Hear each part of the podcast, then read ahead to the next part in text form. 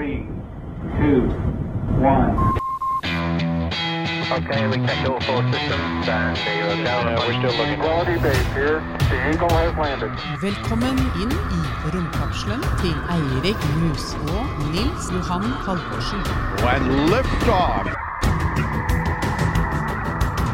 Nok en gang er det litt trangt i romkapselen. Vi har damebesøk, eh, Erik. Det, er- det. det er hyggelig. Ja, det er kjempehyggelig. Lukter ikke sånn som det pleier å gjøre.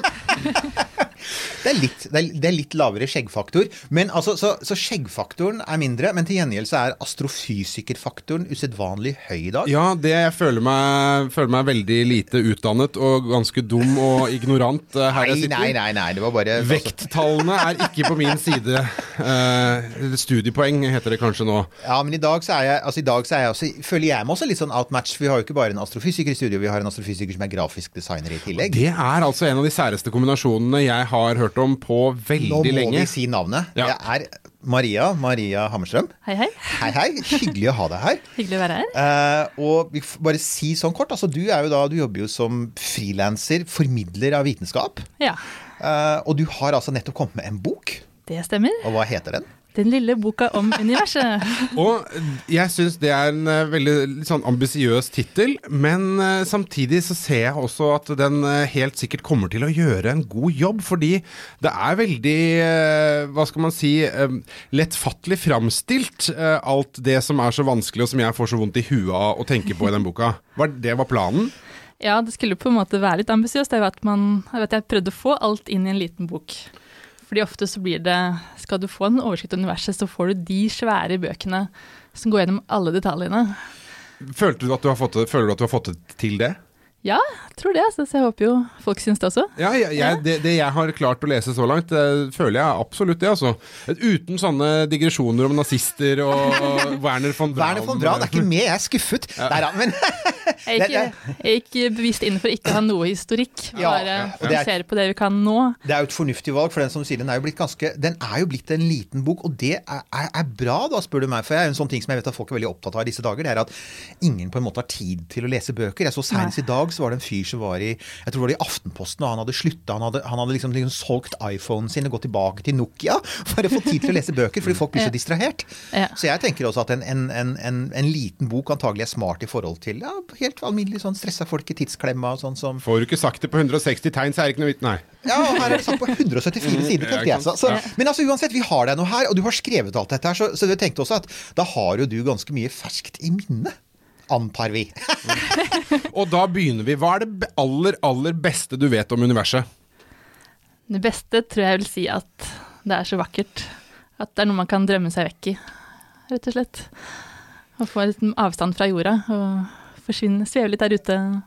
Ja, Du som grafisk designer, du har jo litt å jobbe med der, du, ikke sant? Altså litt, noe litt kult å jobbe med, har du ikke det? Jo, altså. Altså mye pent. Egentlig så er det jo universet som stiller sterkest der, da, på det visuelle. Ja. Så Det som allerede er laget, som du ikke trenger å gjøre noe med som grafisk designer, ikke sant? ja.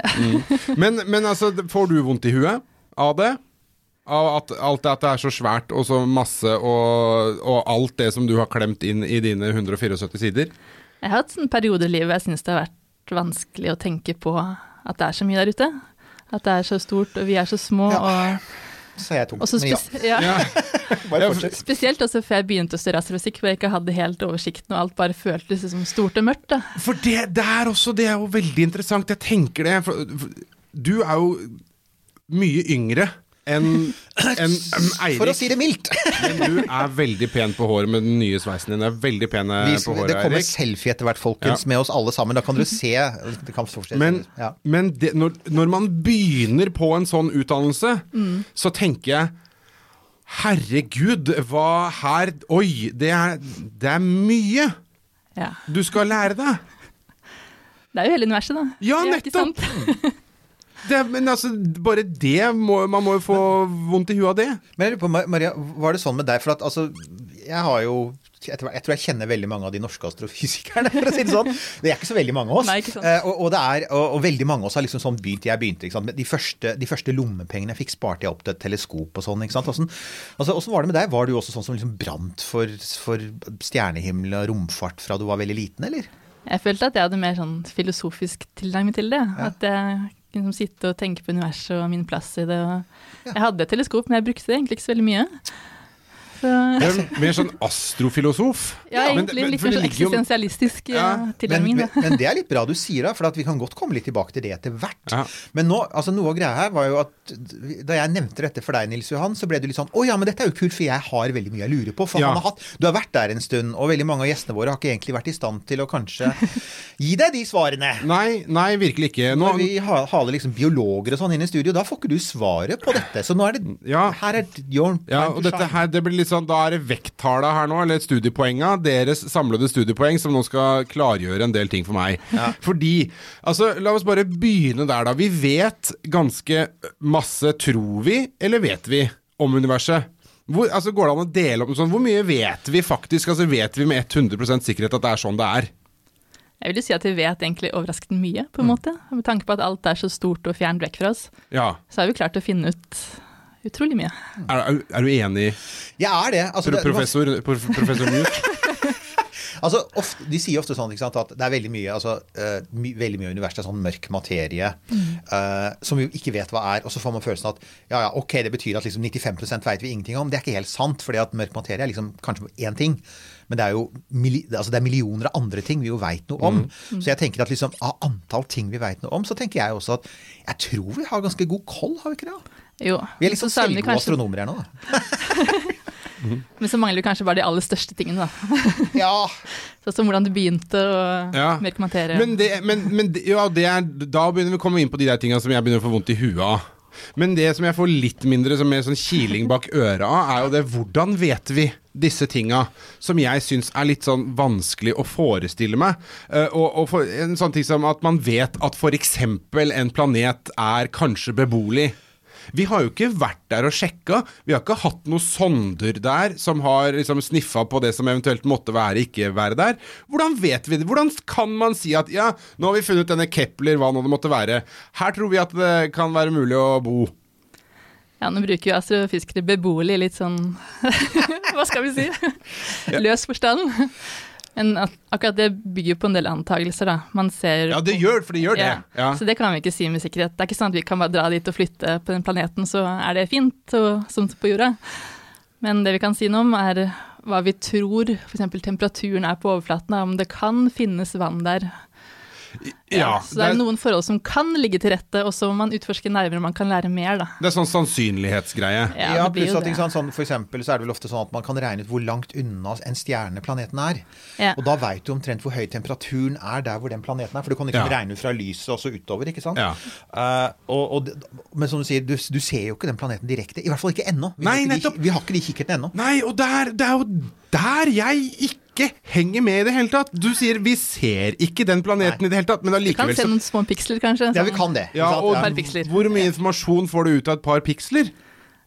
Nei, det var det. Du kan jo få, ja, som Erik nevnte, avstanden til stjernen f.eks. Kanskje finne ut noe om massen og størrelsen. Av og til så kan du vite noe om atmosfæren, kan du ikke det? Jo, det er der man er nå. Ja, Hvordan da. vet man det, da? Spekter. Ja, spekter. Da kan man jo se på, Hvis vi er heldige, da, sånn at planeten passerer akkurat foran stjerna, mellom oss og stjerna, så kan stjernelyset gå liksom gjennom planetatmosfæren på vei til oss. Ja. Og da blir det en sånn signatur i lyset som gjør at vi kan Ja, jeg, ja, og den der, der den har jeg Og der, da finner man ut eh, om uh, gasser og sånn som, Ja. så, som er på Se om det er oksygen der, f.eks. Ja. Kan vi si det sånn at, liksom sånn, det, det, det- ok, det viktigste astronomiske instrumentet har liksom alltid vært teleskopet, men det nest viktigste har vel vært spektroskopet. Eh. Altså den greia du kan sette foran som liksom deler opp lyset, Ja. sånn at du kan se du får et fargespekter, og så kan du se hvilke kjemiske stoffer som er der, for at det dukker opp litt mørke og lyse linjer. Men da, er, da antar man jo også at på den planeten langt pokker i vold, så er det de samme kjemiske substansene der som vi kjenner til. Og det tenker jeg også er jo en innmari drøy antagelse. Eh, eh, Ja, altså Astrofysikere går ut fra at, eller vi antar at fysikkens lover er de samme overalt, og at det er de samme byggesteinene overalt. Den gjør det, altså. Ja. Men, men, men, det, men det, det finnes jo noen sjekkpunkter. Da. Det får man jo si. For eksempel hvis man antar at tyngdeloven er den samme overalt, da.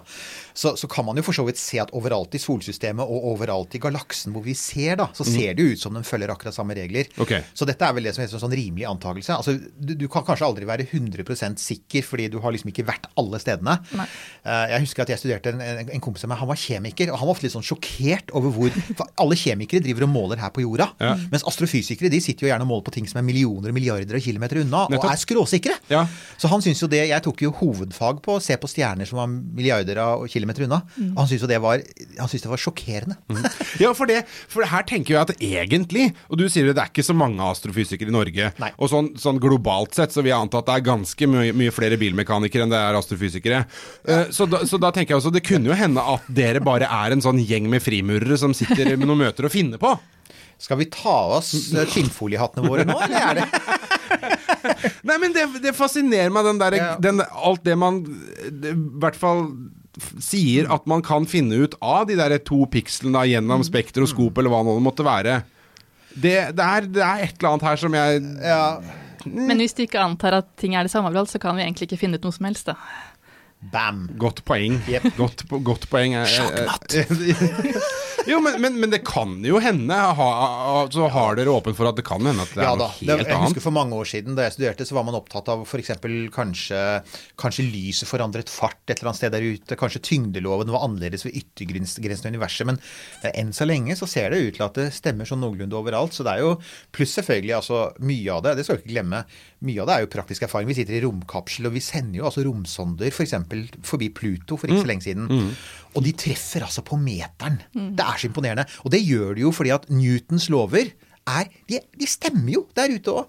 Så det er jo, så det er jo ikke, bare sånn, det er ikke bare sånn teori. jeg tenker liksom, Det er jo praksis. De sender milliard, milliarddollar-romskip ut, og de treffer liksom akkurat på spikeren. Og det, og det er fordi at de lov, naturlovene funker. Science, it works. Ja, yes, I'm going to have to science the shit out of this. Det er, Ja, fremdeles det er et, slagord. Men du, du, du nevnte det. Hva er greia med Pluto nå for tida? Altså, bare eh, remind me again. Hvor står du i Pluto-debatten? Og er det en debatt òg? Det er, noe, det er noen som ikke har gitt seg. Det fins en Pluto-undergrunn. Det gjør det. Jeg føler at den er død for lenge siden, den Pluto-debatten. Men eh, Men hva, hva er Pluto nå? Hva er greia? er det skjedd noe nytt i det siste som ikke Nei, nei, nei, nei, nei. nei, det er bare det samme gamle. det er, altså, jeg tror fremdeles at det er en del av lytterne våre som vil si at Pluto er en planet, nemlig. Ja. Ja. Men hvorfor var de Hvorfor er det er ikke en planet? Dvergplanet er Ja, og det offisielle fordi Fordi den, altså den er jo rund i likhet med planetene, og den går rundt sola i likhet med planetene, men den har ikke banen sin alene.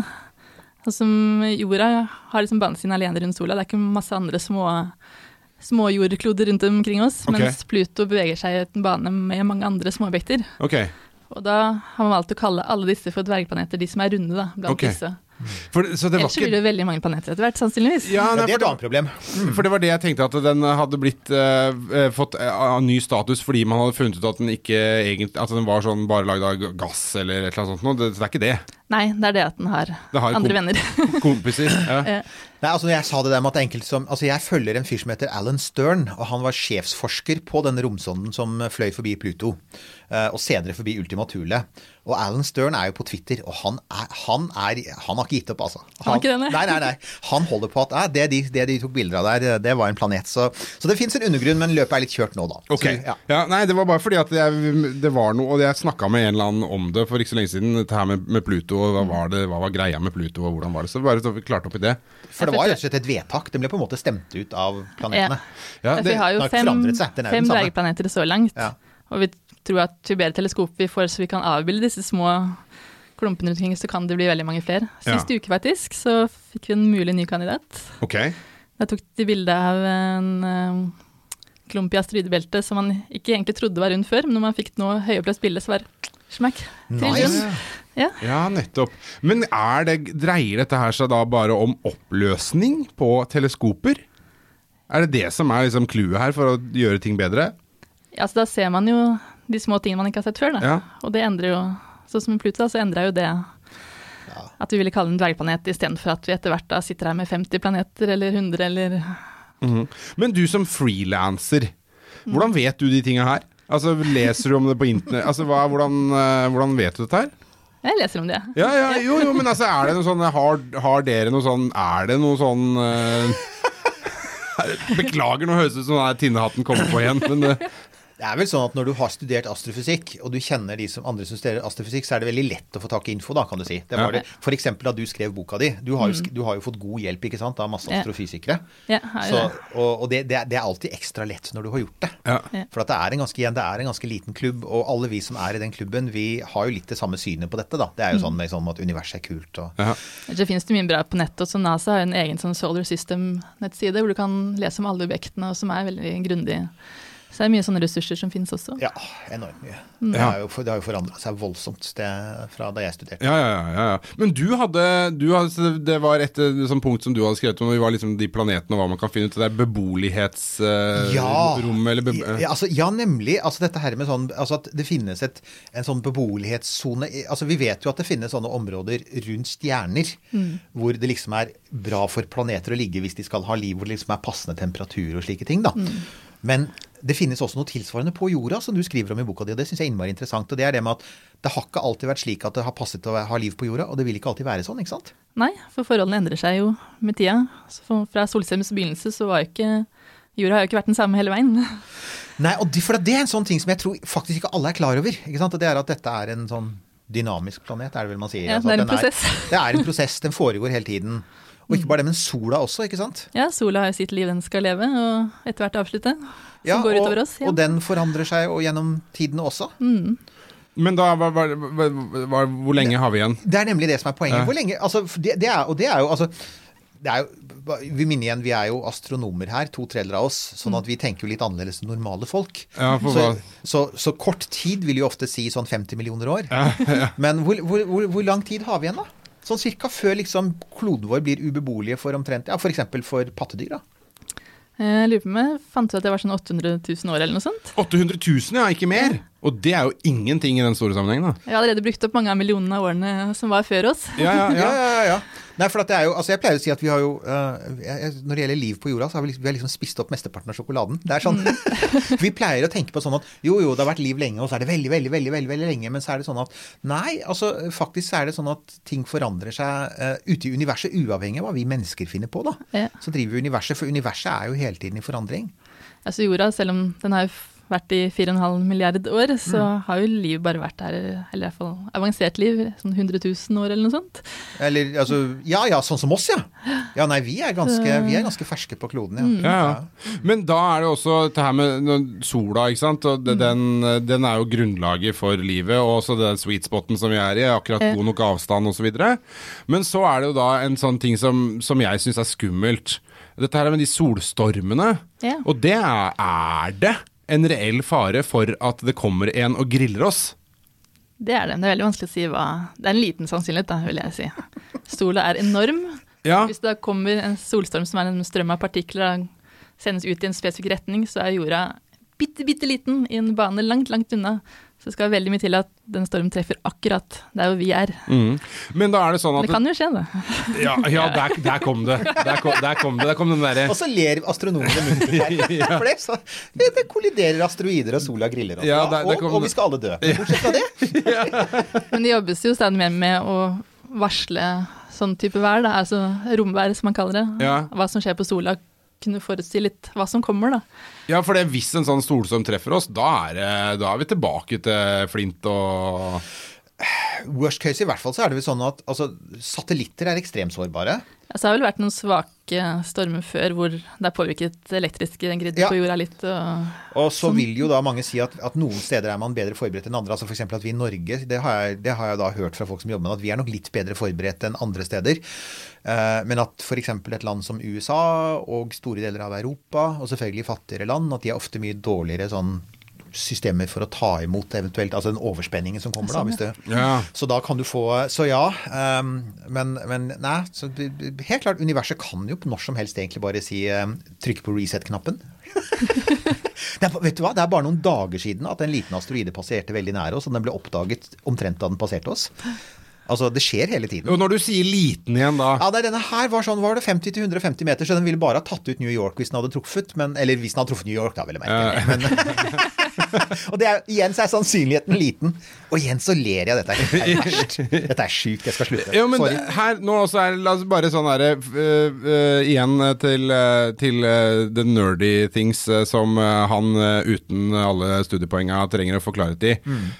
Asteroide, meteoritt, meteor eh, La oss Ja. klare opp i de forskjellige begrepene der nå en gang for alle. Ja. Asteroid- Asteroide er en sånn irregulær klump som går i bane rundt sola. Ok, den asteroide, bane rundt sola. Ja. Ja.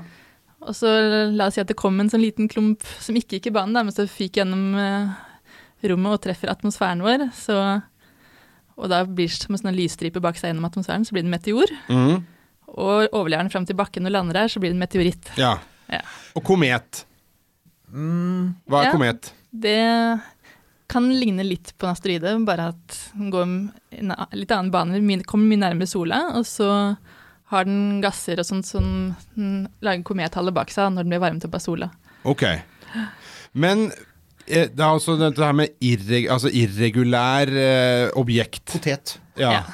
Men altså hva Altså ikke rund, da. Ja. ikke, ikke rund, for hvis den hadde vært rund, så hadde det vært En dvergplanet hvis den ikke Ok. en rund sol. Å ja. Ja. Vi, husker vi, det, For en tidligere episode der så snakket vi om den uh, Oum... Oum- Oumuamua. Ja, Ja, ja. Den som vi Jeg, jeg, jeg, jeg må si at jeg, jeg, jeg, jeg tror jo ikke egentlig det er et romskip, men den så litt sånn Men den var så lang og tynn. Ja. Men den var jo Altså, de kan ha veldig rare former. Ja, det kan være resultatet av kollisjoner når det brytes opp biter. Og Men, sånt. men, men vet du hva? Da, et spørsmål.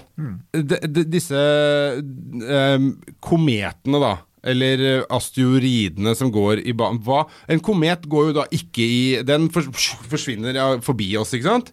Men, men går alt ute i verdensrommet i en eller annen bane? Nei, vi har ikke, altså, som når jeg har fått da, besøk av den, Um, um, um, um. ja, Ja. den, den, ja, så har jo ikke den en tydelig bane, egentlig. For den er ikke gravitasjonelt bundet til noe. Nei. Hvorfor er den ikke det? Fordi den har blitt slynget ut fra der den var. Ok. Men hva er det som da, hva er det da som avgjør at den ikke har kommet inn i en ny bane på noe? Er det fart, da? At den er så, går så fort, eller hva er det? Jo farten og retningen. Ja, farten og retningen. Det er jo, det, det, den var jo ganske ekstrem, altså. Mm. Det er jo ingenting vi har som kan ta den igjen, og det er jo ingen sjanse for at den blir værende i solsystemet. Jeg, Nei. jeg veit ikke engang om den blir værende i galaksen, jeg, for jeg veit jo at ting kan fly ut av galaksen òg. Altså. Ja. Så det er ikke sånn at den nødvendigvis er sånn å ja, nei, da går den i bane rundt det svarte hullet i midten av Melkeveien. Nei, nei, den kan, ting flyr mellom galaksene òg. Ja, okay. altså, de er jo inne i universet, men, Ja, men de bør ikke være De bør, behøver faktisk ikke å være i bane rundt en stjerne eller en planet eller en galaksekjerne. Nei, men det er det farta som avgjør. Ja, At den ikke blir fanga opp i en ny bane, tenker jeg på. ja, det er, ja, det er ingenting som klarer å holde den igjen. Nei, ikke sant? Ja, ja, ok. Ja. Nei, men takk, da ble jeg litt smartere på, på, på det punktet. Ja. Jeg har, eh, det var- det dukka opp et eh, ord her til som jeg også gjerne skulle hatt litt mer klarhet i. Ja. Svarte hull. Ja. Oh, ja. Kom igjen. Hva er det egentlig? Vet man hva det er? Hva skal man si at det er? Altså, det er jo det er et objekt eller et område av rommet hvor gravitasjonskraften er så sterk at ingenting kan unnslippe. Ja, den har jeg hørt før. Ja. Men, men altså, hva, hva Uff, det, det, det, er, det er kanskje det jeg får mest vondt i huet av, er svarte hull. Det er jo ikke så rart, da. For den, den tingen som jeg husker jeg, første gang jeg leste om det, da, det, da var jeg ganske liten. Det var sånn det som heter singularitet. Det at det som er i midten, er uendelig lite. Altså selve den, den, den, den massen som ble til det svarte hullet, den har jo på en måte trukket seg sammen til ja, nærmest et uendelig lite punkt. Og så er den omgitt av tyngdekraften sin. Så den er på en måte ingenting omgitt av tyngdekraft, bortsett fra at det er jo noe der. For Ja. det er jo masse masse der. Det er bare at det er, det er klemt sammen til Så det er, det, er et, uses- det er et utrolig vanskelig begrep, ja. Ja. Og det også er det litt sånn Hvordan vet man det, da? Altså at det er et eller annet inni der? Hvordan har man funnet ut det? Eh, Det kan man se for eksempel eh, Det hender jo at stjerner At det for eksempel er to stjerner som går i bane rundt hverandre. Hvor den ene der, på slutten av livet sitt kan kollapse til å bli et stort hull. Da. Og da ser det ut som den ene stjernen går rundt ingenting. Men du kan jo se gravitasjonskraften, at det er noe der. Så sånn kan man for eksempel se. Ja, fordi det er noe som går i bane rundt det punktet Ja, for hvor det det ser ut som er går i noe. bane rundt ingenting, Ja, men så er det Ok, Og da har man bare funnet ut at det er det som er et svart hull? Det må nesten være det, da. Altså, for det, du kan si, jeg, tenkte, jeg har av og til tenkt at Ja, kanskje det altså, man, Jeg vet at folk tidligere har liksom foreslått sånn Det kan jo være noe et eller annet annet eksotisk, da. ikke sant? Men, men svart hull er vel egentlig det som stemmer best. Som, som du sier, vi har jo aldri Der er vi tilbake til det vi snakket om i stad, med at vi kan jo ikke, ofte ikke ta på vi, vi har ingen, Det er ikke noen mennesker som har tatt på Mars eller Jupiter eller et svart hull. Så vi har jo ikke egentlig 100% sikkerhet for at det svarte hullet er der, men det stemmer Og så kan vi vel ikke si noe som helst egentlig om hva som foregår på innsiden. Nei, det er matte. Så det blir Ja, teoretisk. ja, ikke sant? Ja, det her er det en del Ja. av disse igjen, disse der kvalifiserte gjetningene og antakelsene. Ja, og ja, der må jeg si at der er det også litt forskjell på, altså på astrofysikere. Det kan man si, da. At det er jo mange spesialiteter. Eh, jeg vet ikke, Hva var det du spesialiserte deg på? Liksom, hva tok du sånn din, din master på? Det som kalles aktive galakser. Altså, Du er litt der, du, med ak Det er litt. aktive galakser. Er det svarte hull? Det er eh, altså Man tror at alle galakser har et supermassivt sort hull i sentrum, som alt annet går i bane rundt. Det er noe annet enn de sorte hullene som stjernene kan bli til. Men hvor kommer de fra? Det er, altså, det er jo et sånt spørsmål som jeg vet mange Det vet man jo ikke, da. det er et av de store mysteriene, for de er så enorme, altså utrolig massive, da. Og hvis man ser ja, For å si ferdig med aktive galaksene, da, så er det I aktive lakser så er dette sorthullet aktivt, som man sier. Det kan sluke til seg veldig mye materie. Den har mye å spise på. Og det gjør ikke de andre svarte hulla. De bare Sånn som det sort, eh, supermassive sorte i sentrum av Vågalakse, kan sånn, innimellom komme litt gass eller en stjerne som kommer for nærme, og så får man et sånn lite glimt akkurat når den blir slukt opp. Ok. Unnskyld, Bare sånn, Innimellom kommer det en stjerne. Det er altså en sol vi snakker om her. Ja, ja, ja? Det er det. Er, det er sånn Ja. blopp! Ja. Som du spiser en twist, liksom. ja, ja, ja. Mens det, hos en aktiv galakse så er det såpass mye for det sorte hullet å spise at liksom bøtter seg innpå hele tiden, da, så det begynner å lyse veldig sterkt. Og lyser noe sterkt, så kan vi se det over store avstander. ja. Og i verdensrommet er det sånn at når du ser over store avstander, så ser du også tilbake i tid. ja. Og vi kan se disse aktive galaksene langt, langt tilbake i universets historie. Veldig, veldig tidlig. Og det vil si at det fantes da noe utrolig massivt veldig tidlig, uten at vi skjønner hvordan det hadde klart å bli så massivt. Ja, nettopp. Hvordan har de klart å spise seg så fort? Åh, er det noen som har en Paracet? For nå kjenner jeg at det begynner å komme den der Men finnes det, finnes det, det, men det, dette er altså sånn som jeg lurer på, altså Fins det en teori om hvordan Hvis du sier hvis dette begynte tidlig, hva er tidlig da? For hvor, hvor gammelt er universet vårt igjen? Hva er tallet nå? 13,8 milliarder er milliarder år. milliarder, ja. okay. Mens de første galaksene da var sånn 700 millioner år etter begynnelsen. Så 13,1 milliarder år gamle galakser, er det det vi driver oss Ja. Er det det lengste vi har sett tilbake? Jeg tror det er omtrent det. 700 hmm. Wow. Ja, du sier wow. Jeg får litt mer sånn Jo, jo, men altså eh, seriøst, det er litt wow, for Ja, det, er, det er tre ganger eldre enn sola, liksom. Det er jo det Ja. det er. Det er, helt, det er jo helt vilt. Ja. Ja, jeg, jeg, jeg, det, er, ikke sant, det er nå det kommer. Og det, det tenker jeg Du skal ha honnør for å ha klart å sammenfatte dette her på en jeg må si, veldig lettfattelig måte i den lille boka om universet. Det, og bare så det vi snakker om, dette der, altså. står det jo i boka. sånn at Hvis dere er sånn at dere liksom trenger å gå tilbake og si Ja, men åssen får jeg vite noe mer? Vel, altså, denne boka fins nå, da. Ja. Og kanskje litt mer kontekst enn det det blir her nå. Ja, ja. For der, der er det systematisk. Der Ja. er det ikke bare ja. Så ja, Det er der er det ikke bare det vi lurer på. Nei, ikke sant? Nei, for dette her med, for, men da er det ikke noen sånn fare for da at et svart hull plutselig skal komme og sluke oss? Nei.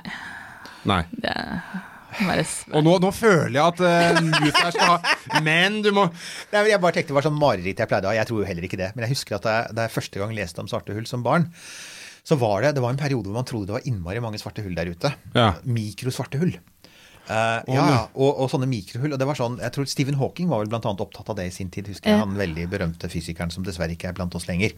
Og, han, og da, da var sånn, da var det jeg husker jeg det var folk som skrev om sånn hele, hele liksom, ja, verden som kunne være pepret med små hull, og plutselig så kunne det bare sånn komme en sånn svart hull som bare sånn slukte, som suste gjennom jorda, mikrohull som suste gjennom jorda som en sånn Jeg husker jeg leste i en bok som en, en varm kniv gjennom smør, og jeg ble ja, jeg, jeg sov ikke den natten. Men der... så da Jeg tror ikke det er sånn det er nå, er det det? Jeg, det Nei, er ikke det- snakk om de mikrohullene lenger. Jo, men litt annen, på en litt annen måte. Rett etter universet ble dannet, så tror, Ja. er det noen som tror at det kan ha vært mange sånne mikrosvarte hull. Men jeg kan ikke noe om akkurat det. Men, men da er det heller ikke noe fare for at det, man lager et svart høl hvis man starter opp den der eh, maskina ned i uh, Cern der. Å ja, det var det. Ja.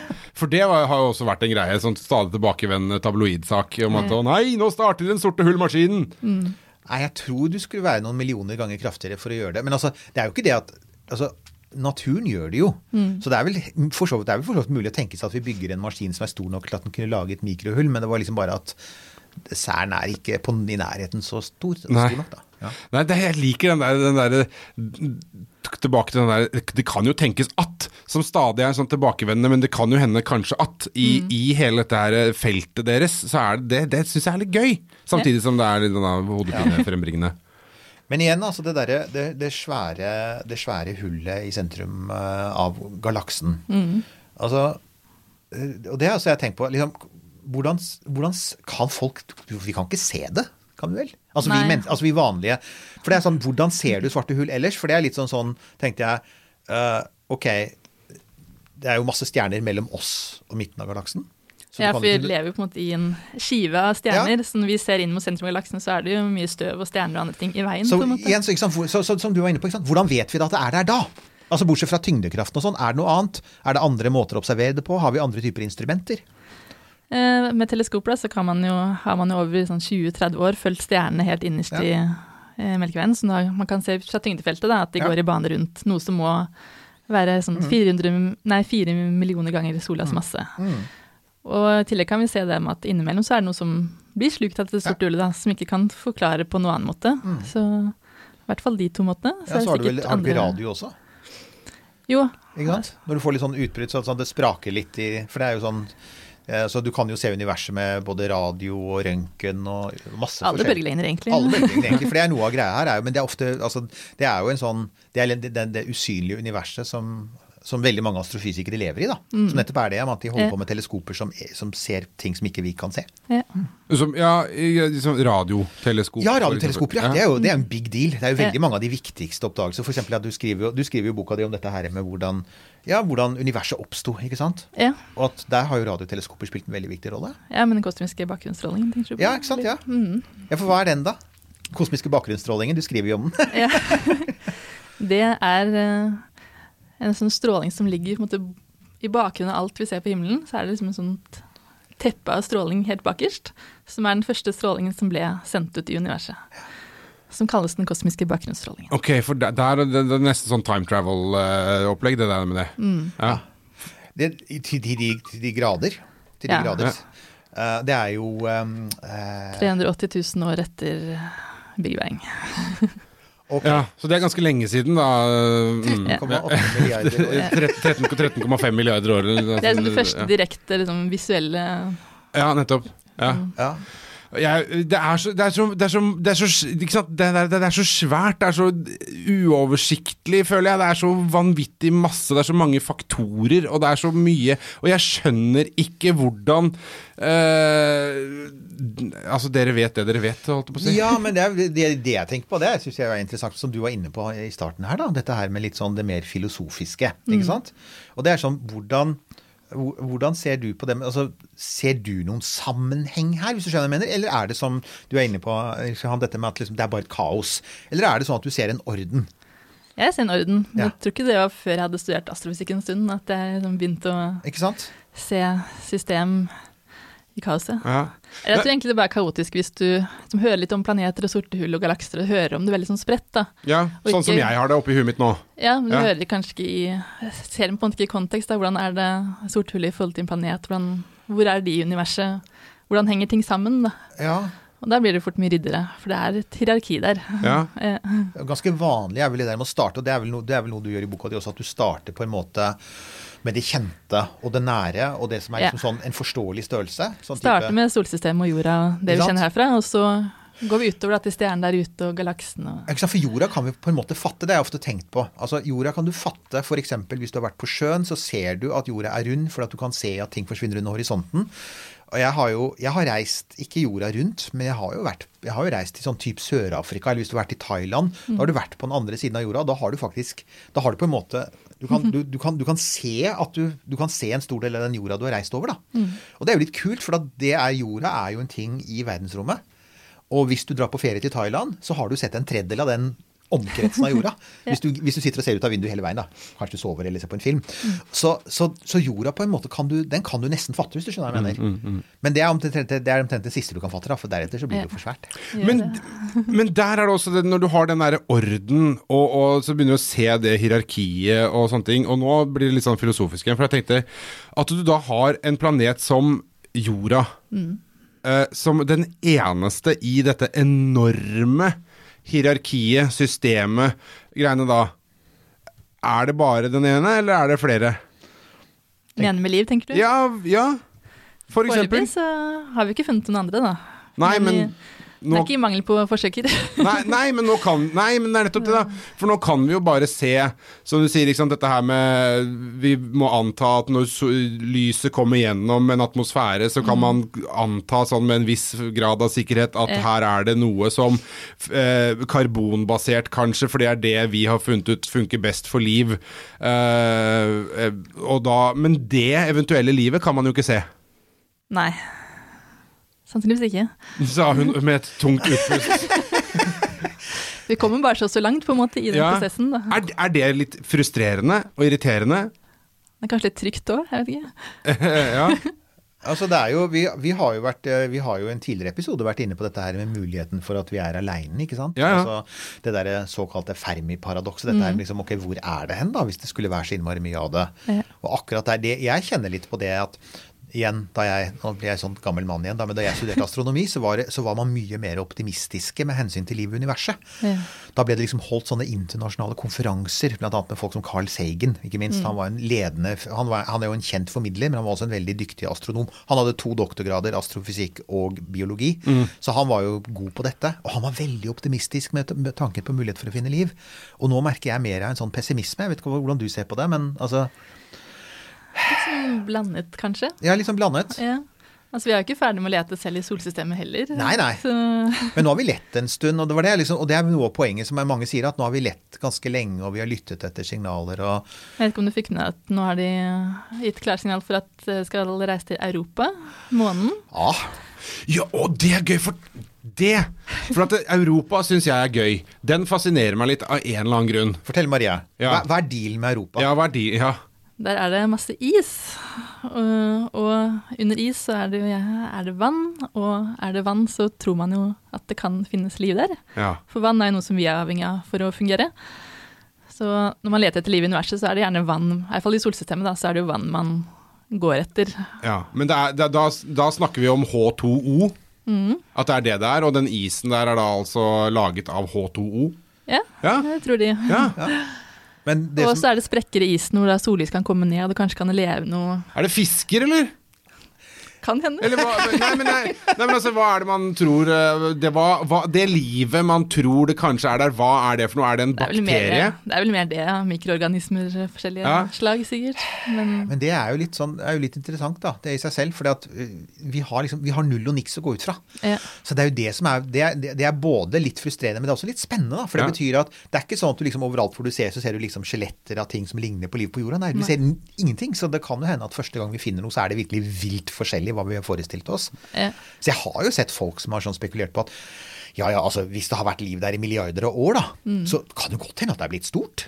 Altså Ikke Ja. nødvendigvis intelligent, men det kan ha blitt til noe svært. Det kan ha blitt til noe, noe om ikke en fisk, da, men noe manetlignende, eller Det er sant. ikke sant? Eller et korallignende, eller et eller annet. Ja. Ja, for det er også en ting som jeg syns er fascinerende med at man leiter etter liv eh, i, på andre planeter, eller hvor nå man måtte finne det, kanskje, kanskje ikke. Det er jo det at man går ut ifra at det er litt sånn karbonbasert. Fordi igjen, det er det vi er, og det er det som funker. Det også syns jeg er en litt sånn eh, Altså eh, eh, Arrogant antakelse. Carl Segen kalte det karbonsjåvinisme. Hvis det åpner opp muligheter for alt annet, så Ja. hvordan vet du om du har funnet noe, på en måte, for du har jo ikke noe å sammenligne det med. Nei. Nei. Så det enkleste vi kan gjøre, er å lete etter det vi allerede vet at kan bli til liv. Ja. Jeg, Ellers har du for mange muligheter. Ja, jeg, jeg, jeg, føler- jeg føler litt Det er, det er en del, god grad av sånn Ockhams racer som man bruker i hele det fagfeltet her. Ja, og så er det vel noe med at altså, jeg, jeg vet jo at igjen, jeg er jo ikke biolog, og hadde vi eh, hatt han her, så hadde det vært enda mer skjegg. Ja. Men eh, han hadde kanskje sagt noe om dette med at karbonatomet er ganske godt velegna for det. da. Ja. Så det er en veldig god ryggrad for å lage kompliserte molekyler. og Derfor så ender jo mange jeg ser at mange teorier ender opp med å si det, men jeg vet også at man på 70-tallet så var man veldig opptatt av silisium, er vel et annet, altså, eh, et annet sånn grunnstoff veldig vanlig i jordskorpa, som potensielt også kan så Jeg vet at folk snakket om at kanskje noe som lignet på steiner kunne se ut som liv, men, men der har det stoppa litt opp, da. Så man ender jo akkurat nå så ender man opp med å le, lete etter ting som minner om oss, da. Men det har jo også litt å gjøre med at man finner veldig mye livsbyggeklosser med basert på karbon ute i universet, da. Man gjør jo det. For det vet vi altså, det er sånn aminosyre, husker du? Snakket vi jo med Med Bøckmann. Ja, Ja. Og, og, og, og også eh, episoden med Kristoffer Schou. Han Ja. var så opptatt av det. ikke sant? Altså med sånn eh, at byggeklossene til livet, de fins der ute. Det gjør de jo. Ja, det gjør de jo, sier du sånn rolig. ja, Men, det men, men, Men du trenger mer enn noen byggeklosser for at det skal bli noe. Ja. ja. men, men poenget er at det er jo karbon, da. Altså Det er jo karbonbasert. Så det, og det ligner, på de, altså det ligner jo på byggeklossene vi finner her òg, så det er litt Ja. spennende. Men da er det nesten sånn eh, Spørsmål som tvinger seg fram. Det er nesten sånn at eh, når man vet at alle de byggeklossene blir der, tenker sånn Blir man mer eller mindre religiøs av å liksom vite det man vet? Tenker jeg. Ja, Nei, det får du spørre den religiøse om. Ja, ja nei, så da ikke Der mer var det der, altså. Ja, ja, der var det Asked and answered, ja, ja, ja, ja, ja, ja, ja. Jeg kunne sagt det samme. Men, men det filosofiske elementet der er der jo likevel, da. Altså, Ja. for det, og, og, og, når vi tross alt har det her, da. For det er jo sånn som vi var inne på dette når vi snakket om dette med livet i universet. Altså, ja. Jeg får det spørsmålet ofte. Jeg antar du også får det. Eh, ja, hva tror du? Tror du at liv finnes Altså, tror du liv er vanlig der ute? Tror du det fins i det hele tatt? Tror du vi er alene? Det er jo Alt er jo faktisk mulig så lenge vi ikke vet noe. Jeg tror nok det fins et eller annet form for liv. Så er det veldig vanskelig å vite om man skal tenke at jeg kan være intelligent eller ikke. Fordi vi vet såpass lite egentlig om jorda på livet, altså liv på jorda, hvordan de har utviklet seg. Akkurat hva som skulle skje de forskjellige stegene for at mennesker skulle eksistere, f.eks. Så er det mye vi fortsatt ikke vet. Og da blir det også enda vanskeligere å si noe om hva vi tror sannsynligheten er for at det skal skje andre steder òg, da. Mm. Eller kanskje var vi en sånn kosmisk tilfeldighet som skjedde én gang. ja det, er, det er vi som er uh, mutasjonen, egentlig. Ja, jeg vet at det var noen som Jeg vet at en uh, Det har vært uh, en, en, noen astrofysikere som har sagt at sannsynligheten for at, at, vi, altså at livet på jorda skulle oppstå, er som om en virvelvind feide gjennom en skraphaug, og ut på den andre siden så kom det en jumbojet fullt ferdig montert. Altså at det så, så tilfeldig skulle være. Det er veldig omstridt, altså. Men det er klart, hvis det er, en, hvis det er ren tilfeldighet, så kan jo vi være de eneste. Det kan vi jo. Og apropos skremmende tanker, det er jo en ganske Eller er det en skremmende tanke? For at det motsatte, hvis det er noen der ute, da, det er jo ikke sikkert de er hyggelige. Nei. Det er jo mange som tror at de vil være fiendtlige og skumle. Men jeg har hørt, hørt Ni av ti science fiction-filmer. Jeg vet ikke om du kjenner Jill Tarter, hun som Contact er jo basert på, filmen. Akkurat. Hun har jo litt sånn motsatt hypotese. Hun tror at for at en sivilisasjon skal overleve lenge nok, så må man faktisk bli snillere og behandle hverandre bra Mm. for å komme dit. Og sånn sett kanskje er sjansen bedre for at man vil behandle hverandre bedre. Ja, nettopp. Gode aliens. Ja, jo, men jeg liker jo den tanken bedre. Og så, samtidig så skjønner jeg godt den, der, eh, liksom, eh, den holdningen som, som eh, Hawking alltid kommer tilbake til. At hvis de Vi vet hvordan det går med smarte folk som møter ikke fullt så smarte folk. Det har en tendens til å gå ordentlig dårlig for de som ikke Ja. er så smarte. Men der er, men der er vel litt greia med at på sett og vis her altså, jeg, Hawking var vel også der ute og sa at uansett hva vi gjør, så bør vi egentlig ikke si fra at vi er her, men der er vel løpet litt kjørt, Maria. Vi har vel egentlig sagt fra at vi er her, har vi ikke det? Jo, på en måte. Men jeg vet ikke hvor godt lett det er å fange opp for noen, da. Ja, ja, ja. Altså Bare ved at vi har radiosignaler og TV-kanaler og sånne ting, så er det jo signaler som på en måte lekker ut i rommet. Nettopp. Men de har ikke kommet særlig langt. Vi har jo holdt på med det i sånn 100 år eller noe sånt. Så. ja, ja, de har ikke kommet særlig langt. Ja. Det, Nei, altså det der, der har vi ikke sant, 100 år. Så hvis du tenker deg sånn radiosignaler har gått ut da, 100, det, da det, går med lysets hastighet, så det blir 100 lysår. Mm -hmm. og, så det kan ha nådd fram til noen stjerner, selvfølgelig. Men, ja. Mm. Det kan hende de er på vei. ja, nei, altså, det, jeg, det er, jeg syns det er fascinerende. Eh, jeg syns det er veldig gøy eh, å høre, Ja. hø, hø, høre på dere som eh, vet dette, eller da ha, har samlet opp en god bunke med, med kvalifiserte gjetninger om, om hvordan ting er, og kanskje ikke er. Ja, det jeg tenker da, er, og det, det, det er det som jeg ofte kommer tilbake til også, fordi at jeg, ja, du, du får vel en del spørsmål du også, gjør du ikke det, fra folk? Siden du, for du har jo en blogg som heter Ja. Astro Maria, det må vi huske på å si. Mm. Eh, og vi skal selvfølgelig som vanlig, som vi alltid gjør, så skal vi lenke til dette. I, uh, Det kan vi gjøre. Vi vi- kan gjøre det på romkapsel.no. Og vi kan gjøre det på Facebook-siden vår, og Yes. selvfølgelig i alle andre tilgjengelige kanaler.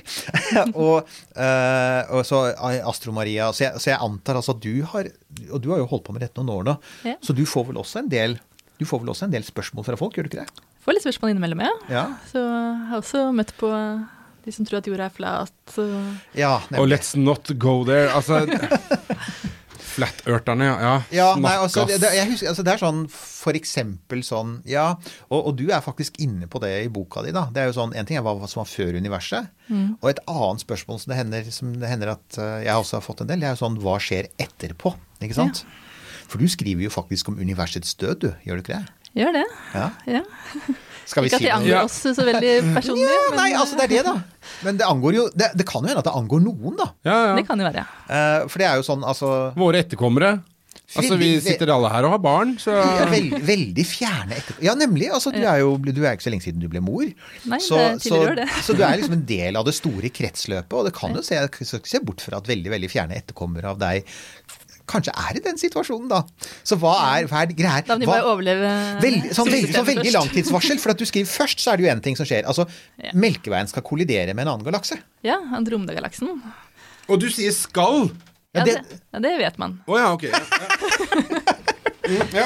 Fordi de er på vei mot hverandre, ikke sant? Ja, vi Man kan jo måle at hastigheten Ja. til galaksene og se at de er på stø kurs. Så Eh, Når skjer dette? det var vel sånn fem milliarder år cirka. Så oh, ja, det blir ok, ja. omtrent når sola er dødd ut, da så blir jo andre problemstillinger først. Ja, Ja, ja, ja. Så vi mister sola, men vi får veldig mye Vi får mye fint å se på himmelen, da. Ja, for da blir det jo mye interaksjon mellom disse galaksene, og de drar og river i hverandre og ting, nei, ting krasjer faktisk ikke. Det er det som er litt underlig, at galakser er så mye tomrom at disse galaksene kommer bare til å gli litt sånn gjennom hverandre, på en måte. Men okay. da drar jeg hverandre. Men de svarte hullene, for at eh, Andromegalaksen har vel også et sånt stort svart hull i midten. Ja, det stemmer. Så, så hva skjer med det eh, har, har man tenkt noe på det? Altså Kommer de, kommer, kommer de også bare til å fly forbi hverandre, eller kommer de liksom til å smelte sammen og bli et superhull? Det ser ut til at de vil smelte sammen og bli et superhull, ja. Deg, tenk deg det, Nils. Ja, og om fem milliarder, Fem milliarder år, år. så kommer da Andromeda-galaksen til å ikke kollidere, men kollidere med Melkeveien, vår galakse, som gjør at eh, planeten jorda da blir bli revet i stykker av tyngdekraften fra dette her, da, eller blir svelga av dette supersvarte hullet som kommer til å oppstå? Ja, Da er jorda allerede blitt borte pga. at sola Ja er dødd. da! Har jorda blitt borte, eller har livet på jorda blitt borte? Jorda. For den har, på grunn av at sola har slokka? Ja, fordi når sola går mot sin død, så vil den begynne å utvide seg, altså den ese ut så mye at den vil sluke jorda. Ah, ja, takk for den. Eh, ok, det kommer til å ende ordentlig dårlig, men det er heldigvis en god stund til. Man studerer ikke dette faget egentlig for å ha, ha- for å ha sinnsro. Nei, det er ganske åpenbart. Det er det jo Men, ikke. eh, Det gir en slags sinnsro, da. at Det er Ting er ikke så farlig, på en måte. Det er helt sant. Ja. Fordi det kommer til å gå ordentlig lukt åt skogen. Uansett hva du gjør, liksom. Men det er jo en sånn rar tanke. Da. Jeg, jeg, har, jeg har tenkt litt på det av og til, sånn slitt litt med den tanken òg, som er at, at, altså at på den ene siden så tenker du at jo, jo, men det er jo sånn evig kretsløp snakker vi om, ikke sant? Ja, men det er jo, altså, og livet er et evig kretsløp. Ting blir født, lever, dør, og så blir det født nye, ikke sant? Og det er en fin ting å tenke på, at livet går alltid videre, og vi blir borte, men barna våre lever videre og sånn. Men så tenker jeg men det er jo ikke helt sant, da. For på et eller annet tidspunkt så stopper jo jorda. Ja, så kan man dra, så kan man dra videre. Det, dette er, jeg har snakket med barn om dette, for at barn som har lest sånne bøker som du driver Du vet det. Noen kommer til å plukke den opp, og så kommer de til å si jammen, jammen, jammen. Ikke sant? Hva gjør vi da når sola slukner? Mm. Man sier jo, da kan vi dra til en annen stjerne. Men det er jo ikke alltid stjerner vil være der, er det vel? Nei, En dag slutter det å bli nye stjerner, gjør det ikke det? ja. Man trenger jo gass for, at, for å danne nye stjerner. Etter hvert så vil den bli så mye liksom spredd utover, da. For, altså gassen klumper seg sammen til å bli en stjerne. Etter hvert vil da stjernen potensielt eksplodere på slutten av sitt liv, så det bare blir sånn spredd utover som en sånn sky, og så blir det sånn blir for tynt, rett og slett, etter hvert, Ja, til at det kan bli flere stjerner. Så stjerneproduksjonen slutter. Og det betyr at um, Ja, altså Universet Etter hvert så vil lysene slokne i universet. Ja. Så til slutt så blir det bare sorte hull. egentlig. Hei og velkommen til Ja. vår Hei og velkommen Jeg skal bare gå og sette meg borti hjørnet her og riste. Jeg må gråte litt. Hei og velkommen til Norges muntreste podkast, by the way. Det skal jo sies at i boka di så opptar ikke det mange linjene. Så mest, mesteparten er ikke så mørkt. Men det er jo altså, men det er litt sånn, altså likevel, da. Det er jo, du snakket om det filosofiske helt i starten her. Dette er jo av de tingene altså, at du lærer når du studerer astrofysikk, er nettopp at, det, altså, at de, de kretsløpene som alle andre forskere er opptatt av, biologer og sosiologer og økonomer, de snakker om evige kretsløp, ting bare fortsetter. Så sier vi ja, men folkens, alt, alt rett har slutt en dag. Så der, eh, inviter en på astrofysiker. den, på den noten går Ja. vi Nei, nei, nei, nei, vi kan ikke gjøre Inviter det. en astrofysiker på festen din, da blir det god stemning. Hvorfor er du her på festen? Jeg drikker for å glemme. Ja. ja. Nei, men altså, jeg, tiden begynner å løpe fra seg. Jeg syns at dette er denne mørke, mørke fatalismen her er eh, for så vidt et greit sted å runde av. Altså, vi må, eh, på, men, men det er for å liksom bygge det litt opp igjen på tampen, da, som man da gjerne skal gjøre. Ja. Vise fram en, en pusekatt eller eh, som gjør noe gøy, eller et eller annet sånt noe. Den lille boka om universet får, er en fin innføring, altså. Det er, du får er oversikt. Og den er, jo, den er jo det meste av tiden, så er det jo ikke, er det jo ikke universets undergang. Det meste av tiden så er det faktisk planeter og stjerner og stjernetåker og galakser og alle disse fantastiske og vakre tingene. Og den er, også, den er jo illustrert. Ja. Og der har du hatt en hånd på rattet. ja, det er jeg som har plukket ut bildene, da, som Ja. skal være med i Eh, boka. og så har den et veldig kult omslag som du vil oppdage hvis du plukker den opp i en bokhandel. Ja. Så det er et argument mot e-bok og for papirbok. så ja, helt klart. eh, Det kommer ikke ut så veldig mange astronomibøker på norsk skrevet av nordmenn for norske forhold. Så det er jo en sånn hjertesak for meg òg. Så jeg syns jo dette er helt strålende. Så helt klart, altså dette er noe dere bør vurdere, folkens, hvis dere ble nysgjerrig av dette. Så her fins det en bok. Eh, og så får vi eventuelt Altså, vi skal jo som vanlig, vi er jo på vi er, Romferden vår går mot slutten. Vi skal ned og lande. Vi kjenner allerede at atmosfæren begynner å dra i kapselen vår. Vi er på vei mot Akkurat som eh, det sorte hullet kommer til Nei. Nei, Nei, nei, nei, igjen. Vi havner i Kasakhstan, Ja. vi blir tatt imot med te fra samovar, og etter hvert havner hos Hva er det lederen i Kasakhstan heter? Uh, Nursultan Nazarbayev kommer til å hilse Fordi på oss. det er, det er liksom sånn Werner von Braun er min greie, så er det at vi, at vi alle sammen møter Nursultan Nazarbayev, var det? Nursultan Nazarbayev. Ja. Ja. The first Eh, president. The first president, som har statuer av seg selv i alle byer, men det er prisen vi betaler for romfarten. Ja. Vi er da på, vi er på vei mot det. Og så er vi selvfølgelig snart tilbake igjen. Og da er vi tilbake i din podkast-app, og vi er tilbake på Spotify og iTunes og der hvor podkaster deles. Eh, Har du spørsmål, eh, skriv til oss på Facebook, eh, Eirik Knuts romkapsel, eller på romkapsel.no. Og blir, mange, og blir spørsmålene mange og handler om astronomi, så får vi bare be Maria komme tilbake igjen og svare på dem, for det har vi gjort før. Ja, Yep. Vi sier det sånn, vi. vi gjør det. Takk for at du kom, Maria.